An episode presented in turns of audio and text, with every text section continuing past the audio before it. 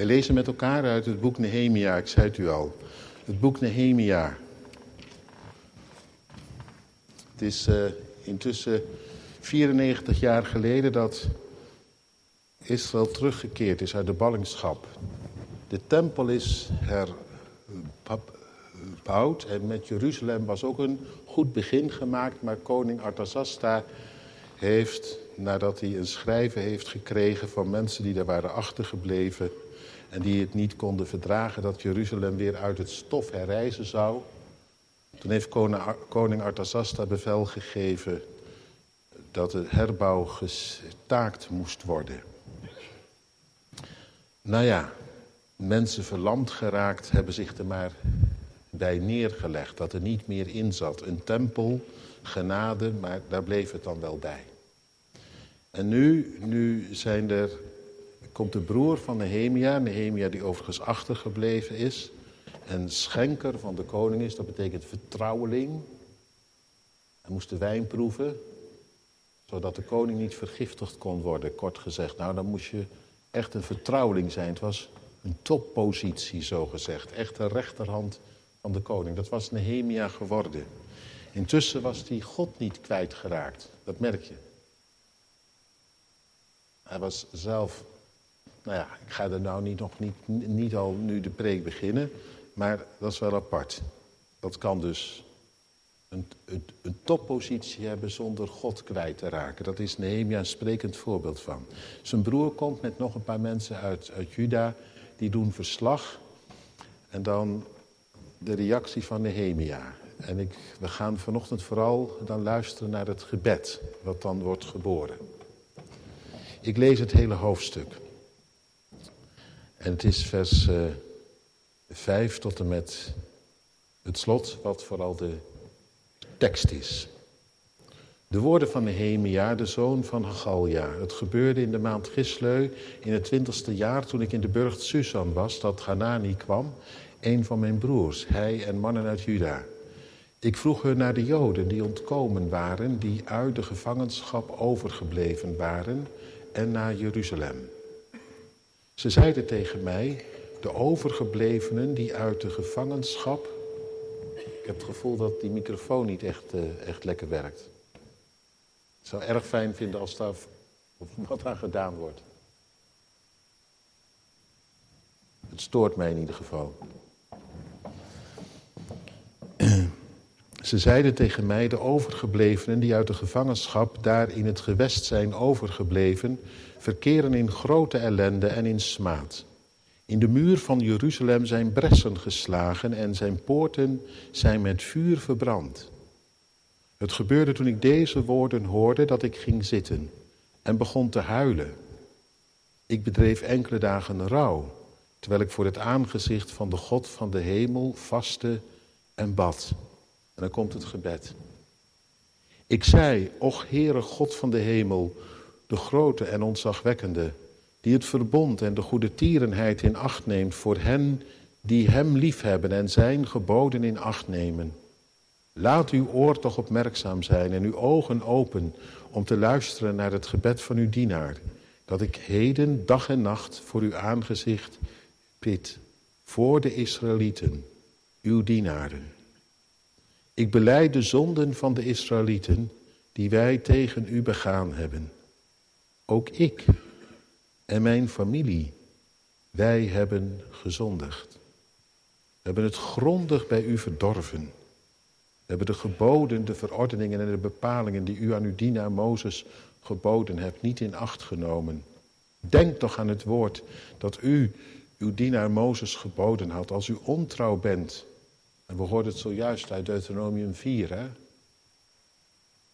Dat waren de woorden waar Nehemia mee bekend was, waar hij bij leefde bij de dreiging en de belofte.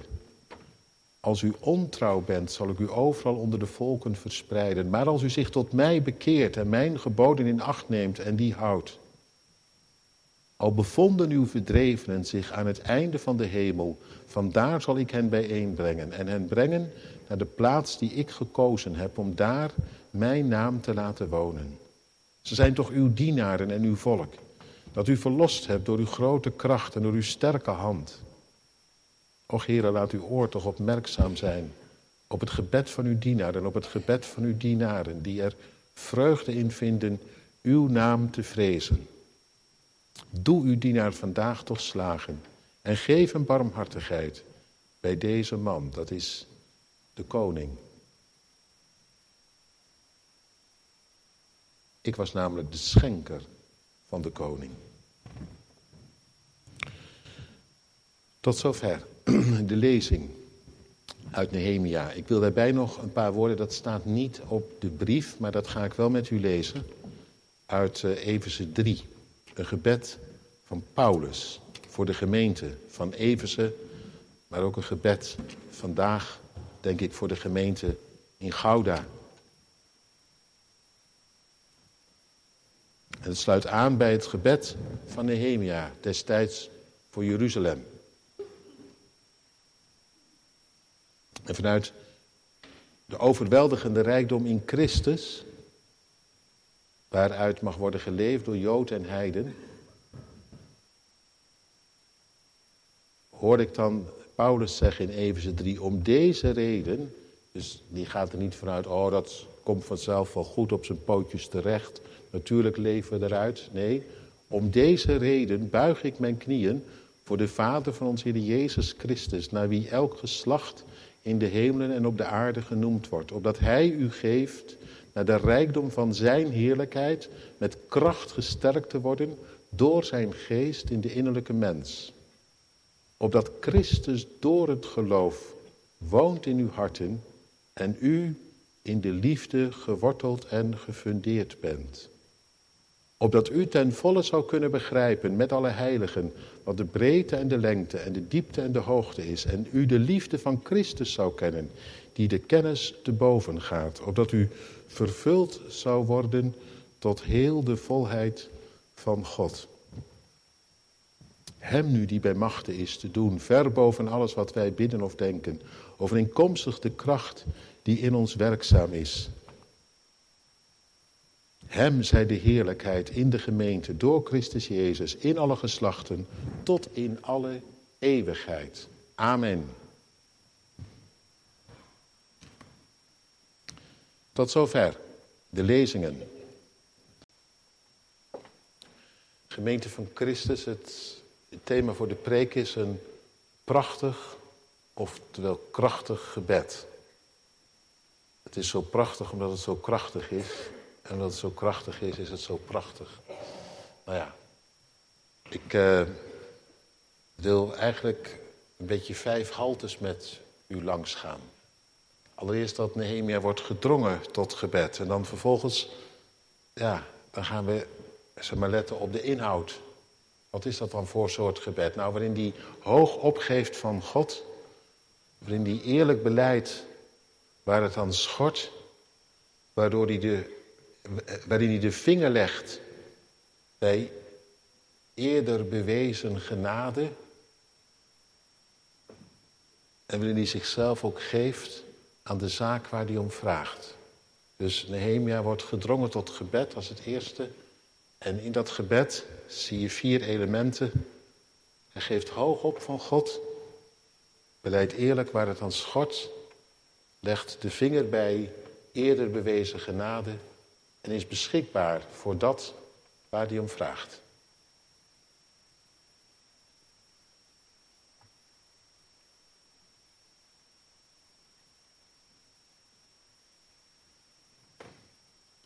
Gemeente van Christus, broeders en zusters,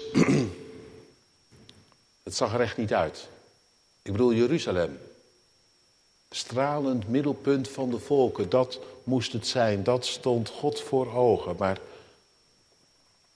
als je het daar zo zag, zag liggen, afgebrokkelde muren, poorten die waren verbrand.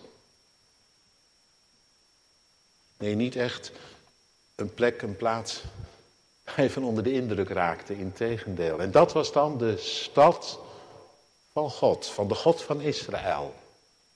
Nou ja, niet echt een visitekaartje, vind je wel? Nee.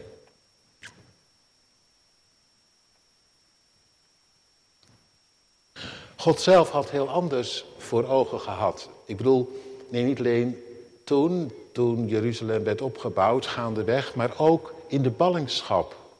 Nadat de stad in vlammen was opgegaan en Israël dacht het is verloren, de Heer heeft ons vergeten. Toen zegt hij, nee, nee, al vergaten jullie mij, ik jullie niet hoor, echt niet. Je staat in mijn beide handpalmen gegraveerd. Ik, en, en, en je muren zijn steeds voor me. God had gehad als het ware de tekening van Jeruzalem in zijn handen staan. Muren, poorten, een stad opnieuw als stralend middelpunt voor de volkeren. Ja, waarin hij zelf zijn woning had. En, en een plek waar het er zo aan toe ging dat de volkeren als vanzelf daar naartoe werden getrokken. Zo'n plek. Dat stond hem voor ogen.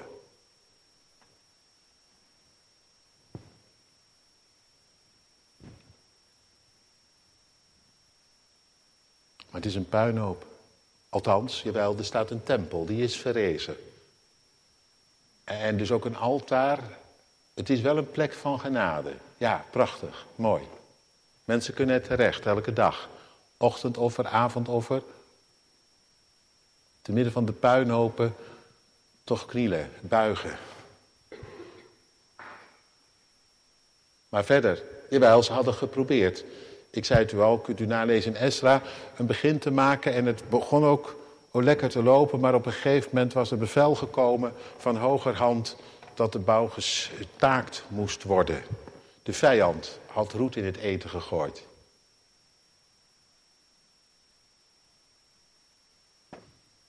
De concurrent,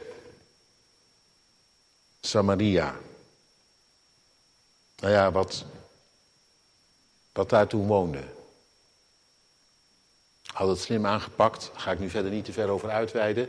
Maar in ieder geval, het gevolg was dat, dat, dat de bouw was gestaakt. Van hogerhand bevel gegeven dat het niet verder opgebouwd mocht worden. Ja, en, dan, en toen was, had de vijand zijn kans gegrepen. De poorten die intussen misschien wel weer in de scharnieren waren gehangen... die werden met vuur verbrand. En de muren, ja, maar ja, er werden flinke bressen ingeslagen. Afgebrokkelde muren. En die al verder afbrokkelden, dat laat zich raden. Nou, zo, zo zag het er dus uit. 94 jaar nadat Israël teruggekeerd was in het land. De stad van God.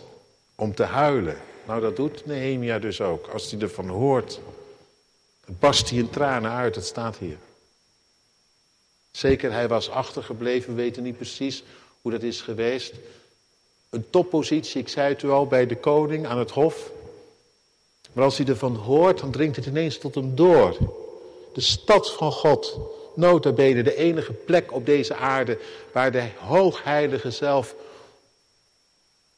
voet aan de grond heeft. Want voor de rest in de wereld kan die het bekijken. Hè? Daar leven andere goden.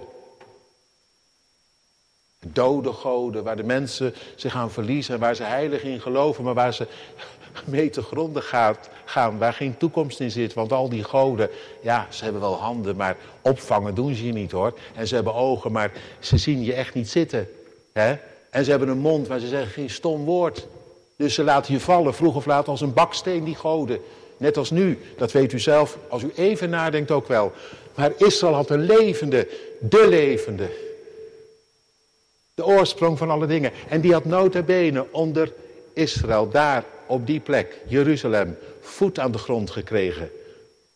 Daar was hij afgedaald, in de tempel. Hij woonde er al. Ja, hij woonde er al, opnieuw. Ongekend, als je dat bedenkt.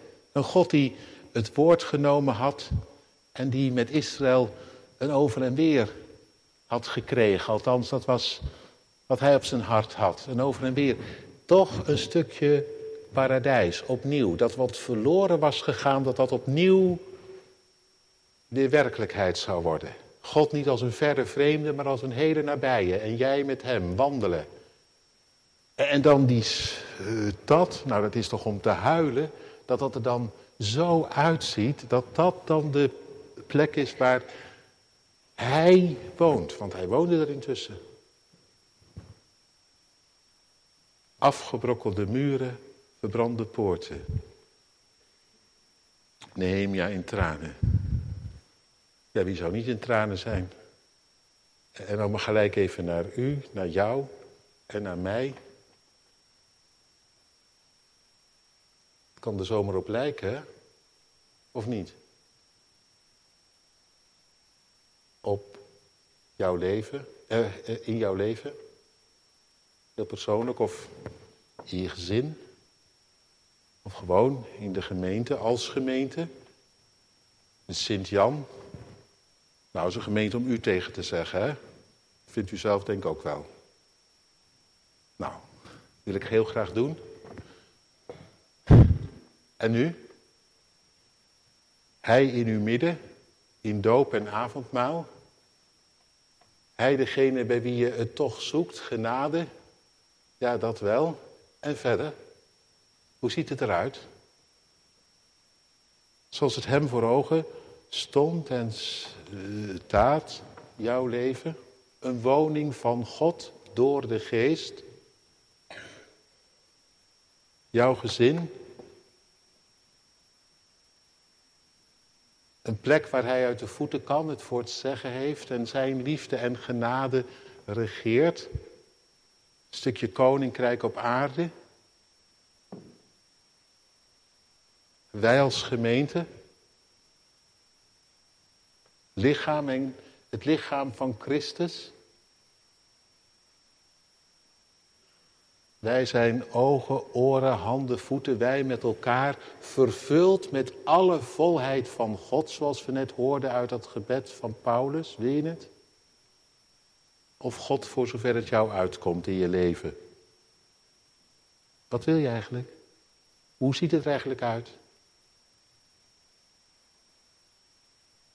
kan zomaar toch wat weg hebben van dat Jeruzalem van toen? Of is dat uit de lucht gegrepen? Mooi hoor, als ik gewoon nu onzin sta te praten in uw beleving. Fantastisch, gefeliciteerd. Dan buig ik nog veel dieper voor u.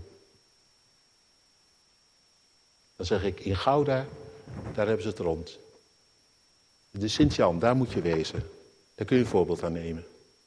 Daar is het een werkelijkheid. De volheid van God is in hen. Samen leven ze uit de liefde van Christus. En de liefde van Christus, ja, die leeft in hen. Daar zijn ze in geworteld. En daar uh, groeien en bloeien ze in. Daar kun je zo de vruchten plukken. Nou, mooi.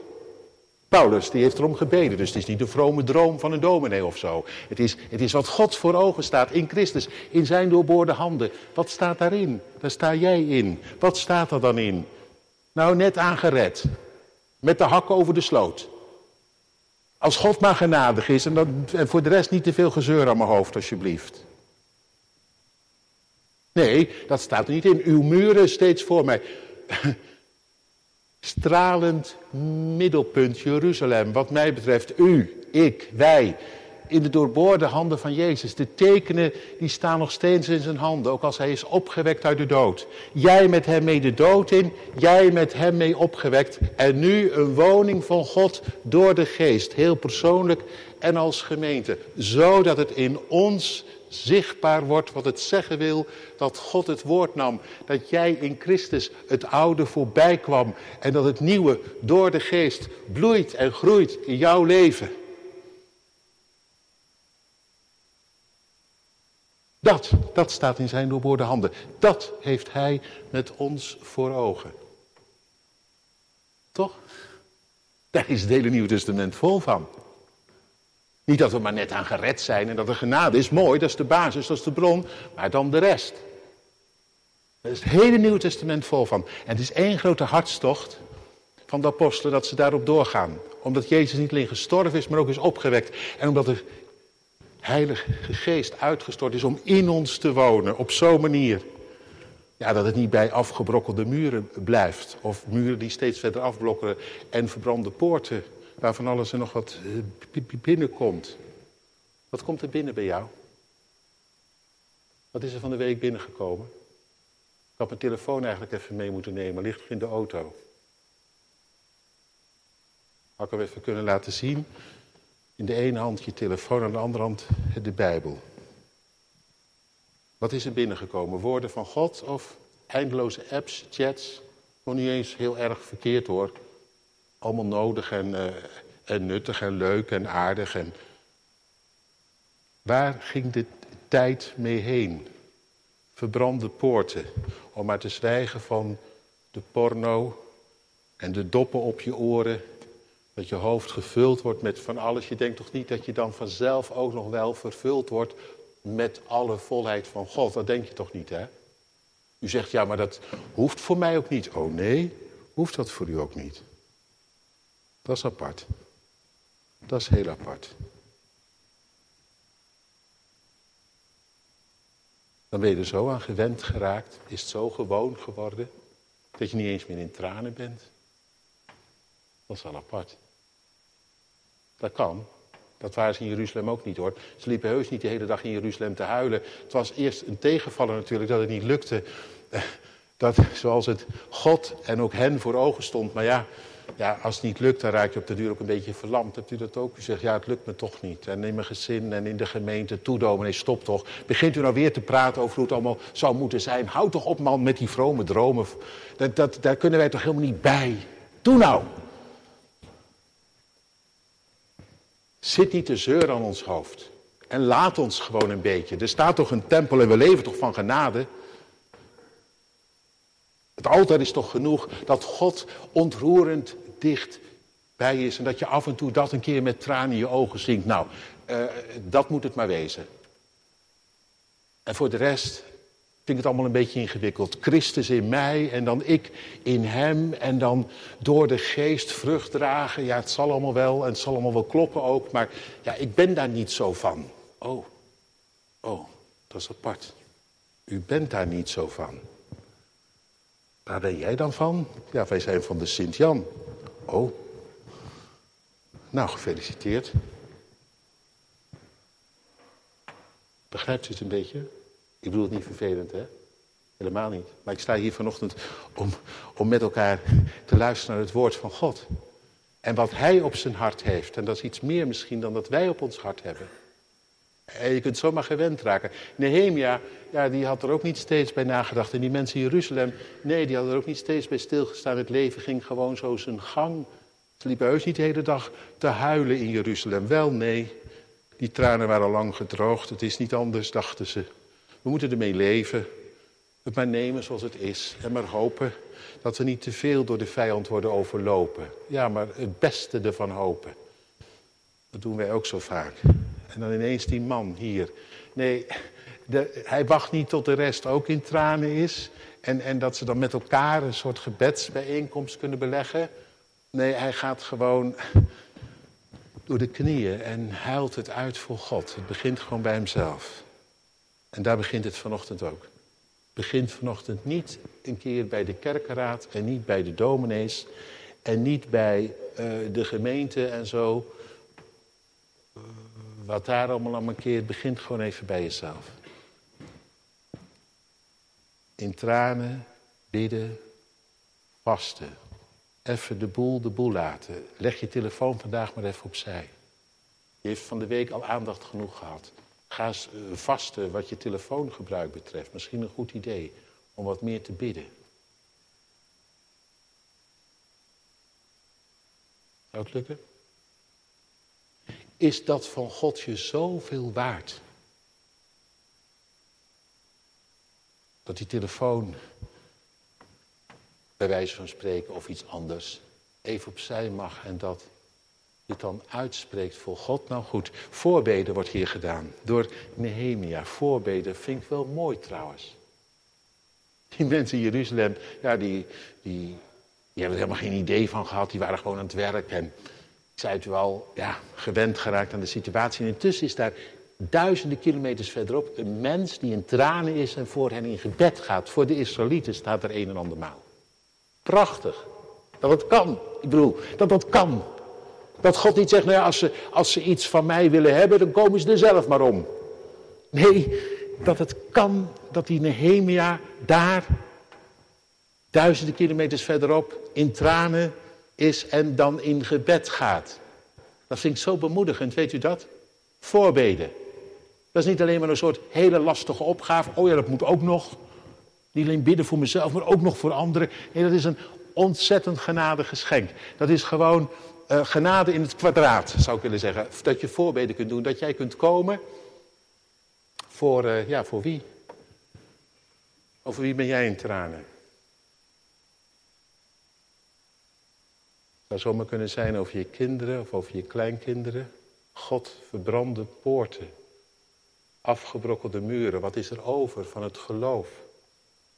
Ga ik nu verder niet heel verhaal over houden, maar u, u voelt het zelf wel een beetje aan. Hè? U vult het zelf misschien ook wel een beetje in. Waar lijkt jouw gezin op? Of nog dichterbij je eigen leven, maar dan gaat het dus ook over het gebed voor jezelf. Daar had ik het al over. Het ging nu even over voorbeden. En hoe mooi dit gebouw ook is. Als God kijkt naar de Sint-Jan, wat ziet hij dan?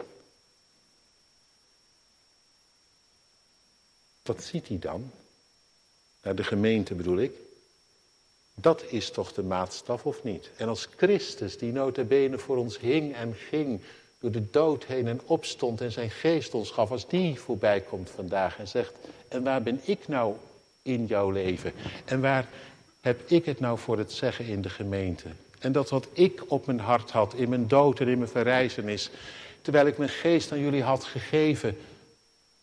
En hij komt om de vrucht ervan. Wat ziet hij dan? Wat vindt hij dan?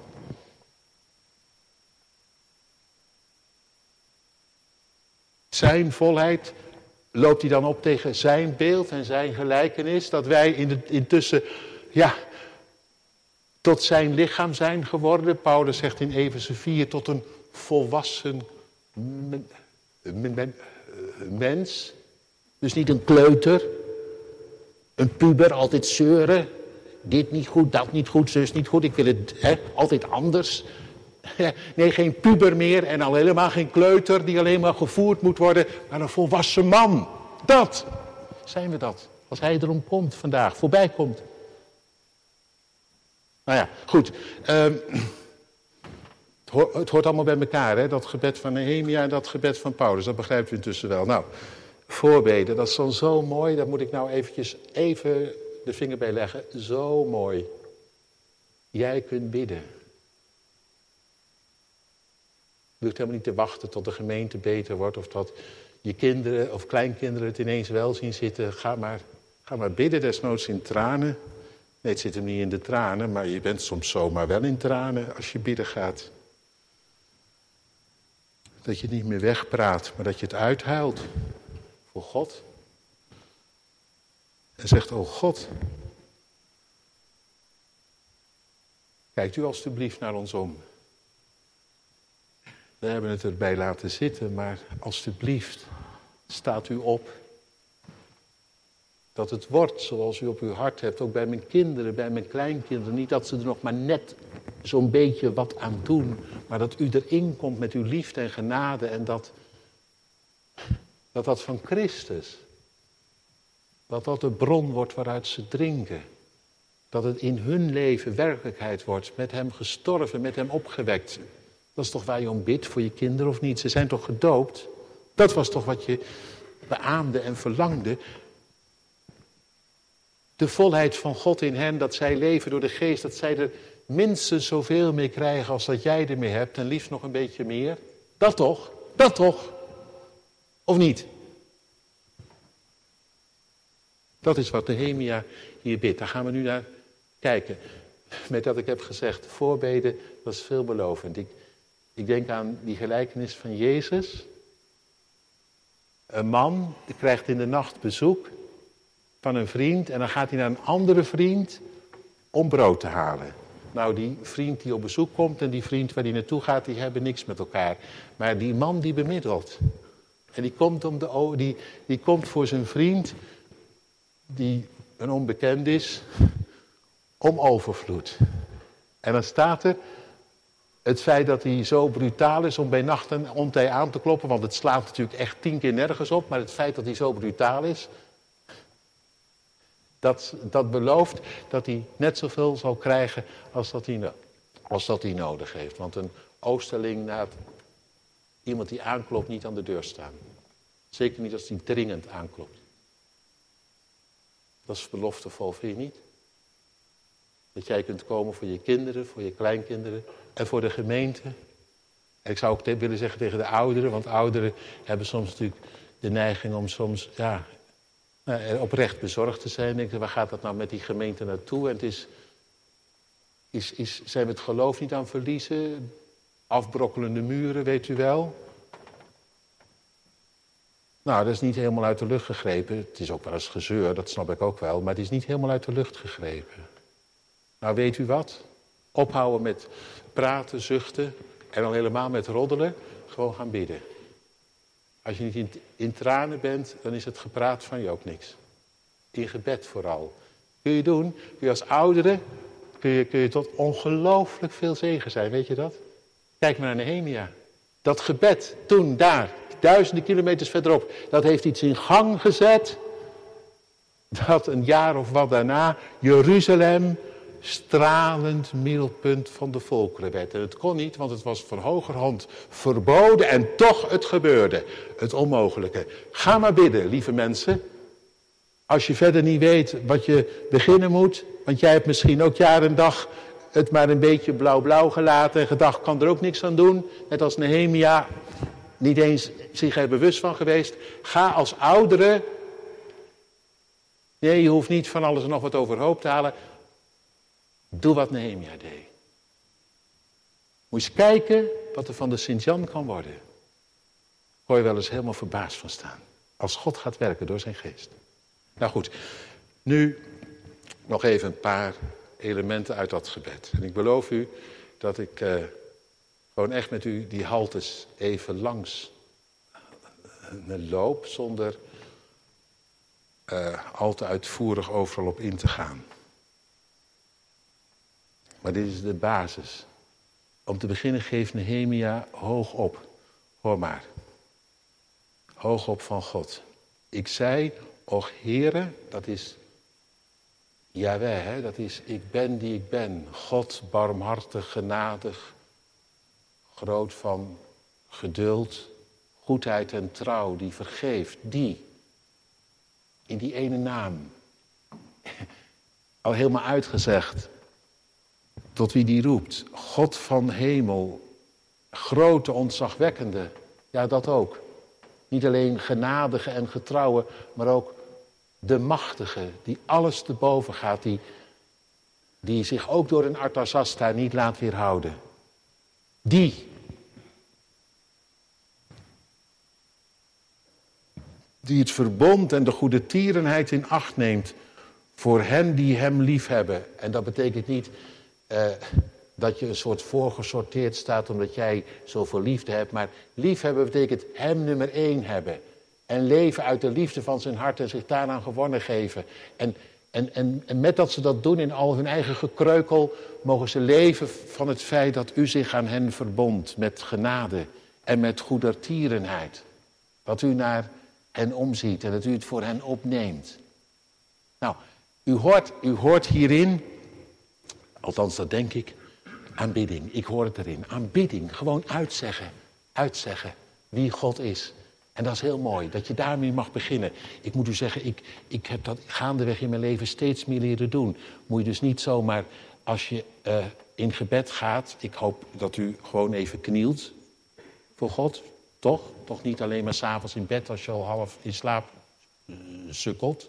Dat de laatste minuten voor hem zijn en dat je dan zo dat zal toch niet waar zijn, hè? Dan heb ik ook weinig hoop, hoor. Dat het echt iets wordt. Dat, dat, dat, dat God kan doorwerken. Ik, ik denk niet dat het gaat lukken. Ik zou in ieder geval niet zo goed weten hoe dat moet. Weet u het?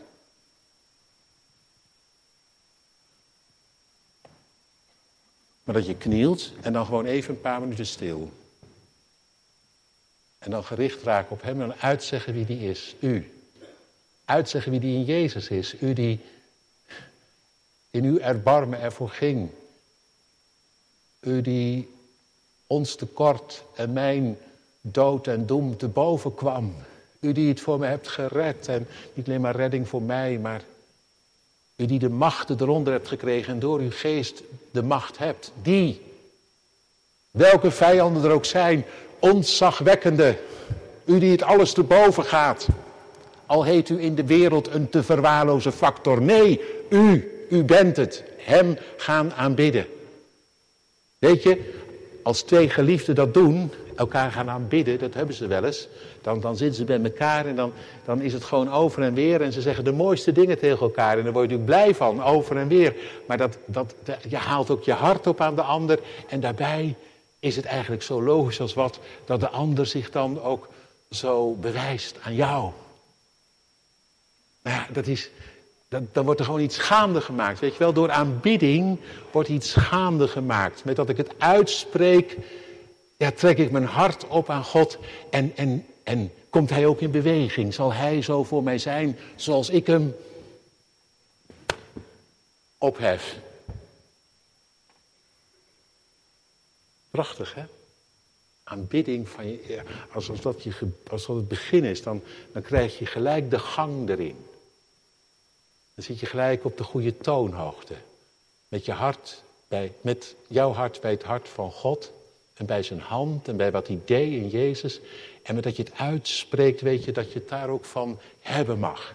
En dat, dat zie je ook in het vervolg. Vanuit die aanbidding. Nou ja, even komt er dan eerst nog wat anders. Een eerlijke beleidenis.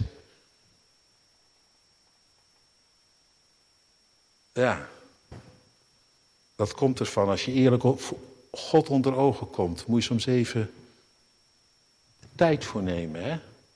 Niet uh, over, en vergeef ons al onze zonden en alles wat niet goed was. Blablabla. Waar gaat het over? Je weet zelf niet eens waar het over gaat. Je zegt maar wat. Voor goed fatsoen. En denkt, ziezo, dat is ook weer gezegd. Maar dat slaat nergens meer op op den duur. God zegt, hou, hou die woorden maar voor je, want ik, ik, staat er ook hè, in de Bijbel, hou die woorden maar voor je, want ik kan daar echt helemaal niks mee. Met dat geklets, dat gepraat in de ruimte. Mooie woorden, terwijl je hart er niet, je hart zich ver van mij houdt. Dacht je dat ik daarop zit te wachten? Dat jij dan gebeden hebt en dat jouw geweten dan weer nou ja, een beetje gerustgesteld is. Ophouden, zegt God, dat, dat zegt allemaal niks. Nou nee, zegt, laat het zo zijn dat, dat, het, dat je voor de dag komt, voor de draad. En dan moet je soms even stil worden. En dat zie je hier met dat, die aanbidding er is, ineens ook, ja, wordt die heel klein. Laat uw oor toch opmerkzaam zijn en uw ogen open om te luisteren naar het gebed van uw dienaar. Dat ik heden dag en nacht voor uw aangezicht bid voor de Israëlieten, uw dienaren. En dan, ja, met dat hij hoopt op God, ineens voelt hij ook, oh God, wie zijn we? Wie ben ik? Ik beleid de zonde van de Israëlieten die wij tegen u begaan hebben. Dat wij de boel, de boel hebben gelaten en dat het daardoor een puinhoop is gebleven. Dat. Dat was de zonde. Ze leefden wel bij genade hoor. Dat was de zonde niet op dat moment. Maar verder de boel, de boel gelaten, niet tegen het bevel van de koningin gebogen voor God en gezegd: Het zal niet bestaan dat Artazasta het laatste woord heeft.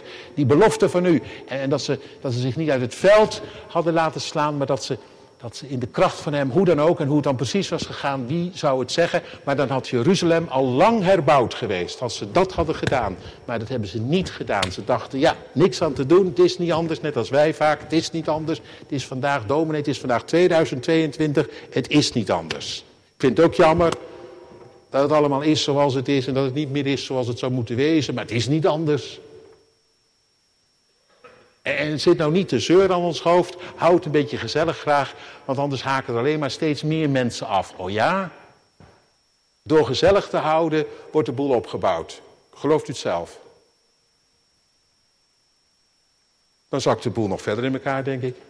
Dan brokkelen de muren nog verder af.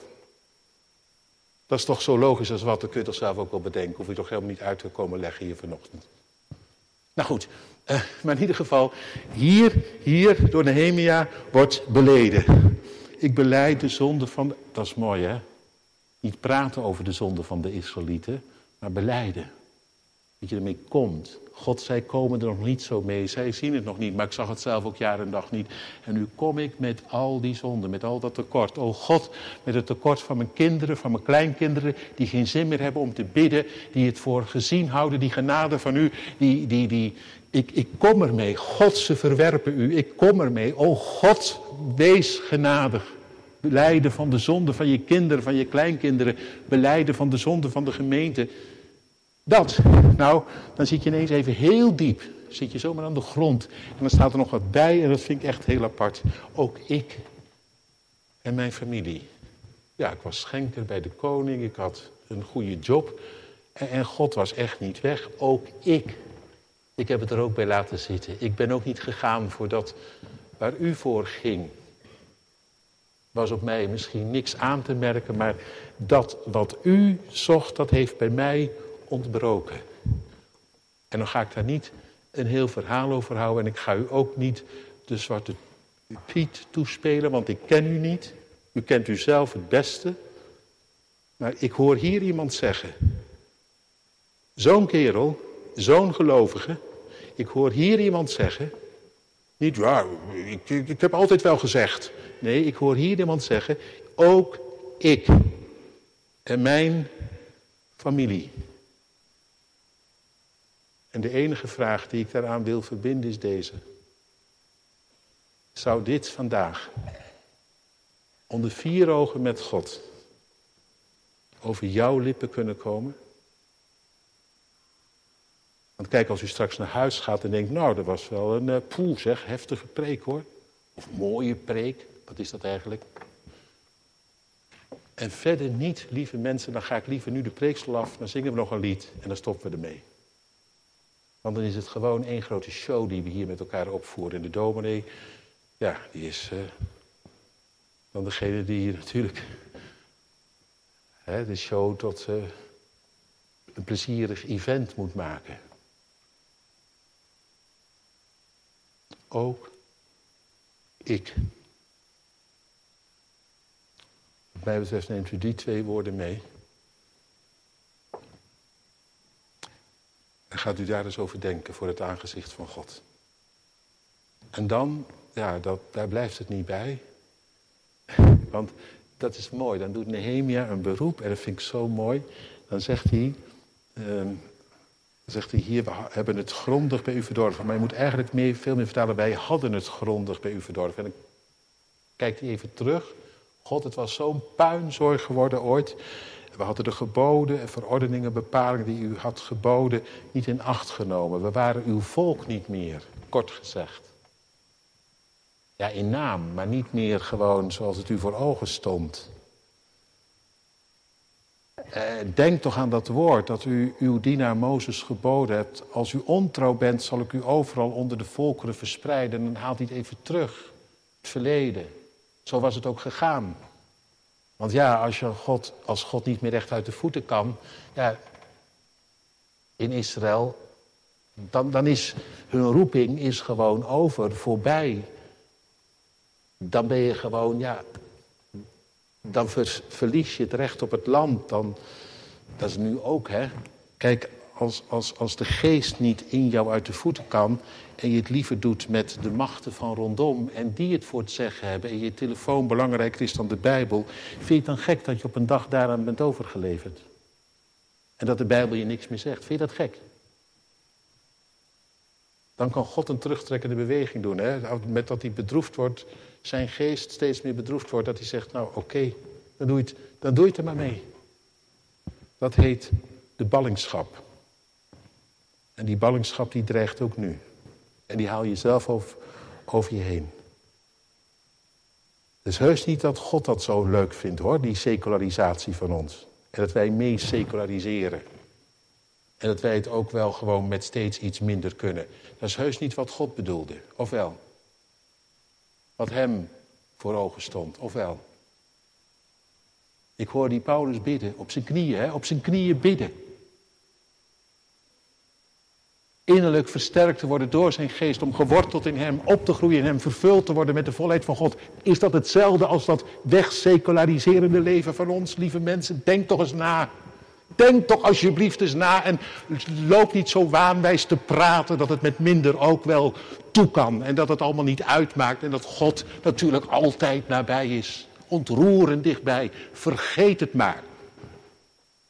Je krijgt hem een keer dwars tegen.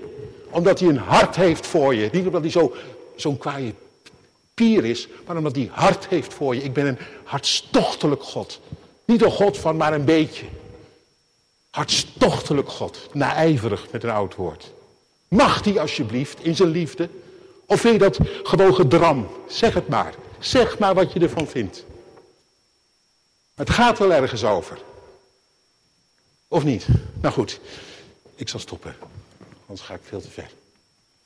Maar het is mijn hartstocht voor God dat ik even uitviel. Ik hoop dat u dat begrijpt. En mag dat een keer? Paulus zei, als ik keer uitzinnig ben, dan ben ik het voor hem. Maar ik vind het echt een grote zorg. Niet alleen in Gouda, niet alleen in de Sint-Jan, ook in Rotterdam, overal. Al dat geklets en gepraat van ons. In plaats van te bidden, op de knieën te gaan. God alstublieft, vergeef ons, want ook wij, ook ik. Maar laat het dat het laatste woord niet zijn. Dat u opnieuw onder ons uw werk kunt doen, uw liefde kwijt kunt, uzelf, uw geest, alles wat u voor ons hebt bereid, dat wat in uw doorboorde handen staat geschreven, dat. Ja, en dat, dat wordt hier herinnerd. Herinnerd, we hadden het grondig bedorven, maar we keerden ons tot u en u hebt u ons teruggebracht. Herinnerd wordt er aan genade. En dat, dat is mooi, hè? Dat mag ik ook doen vanochtend, herinneren aan genade die werd bewezen.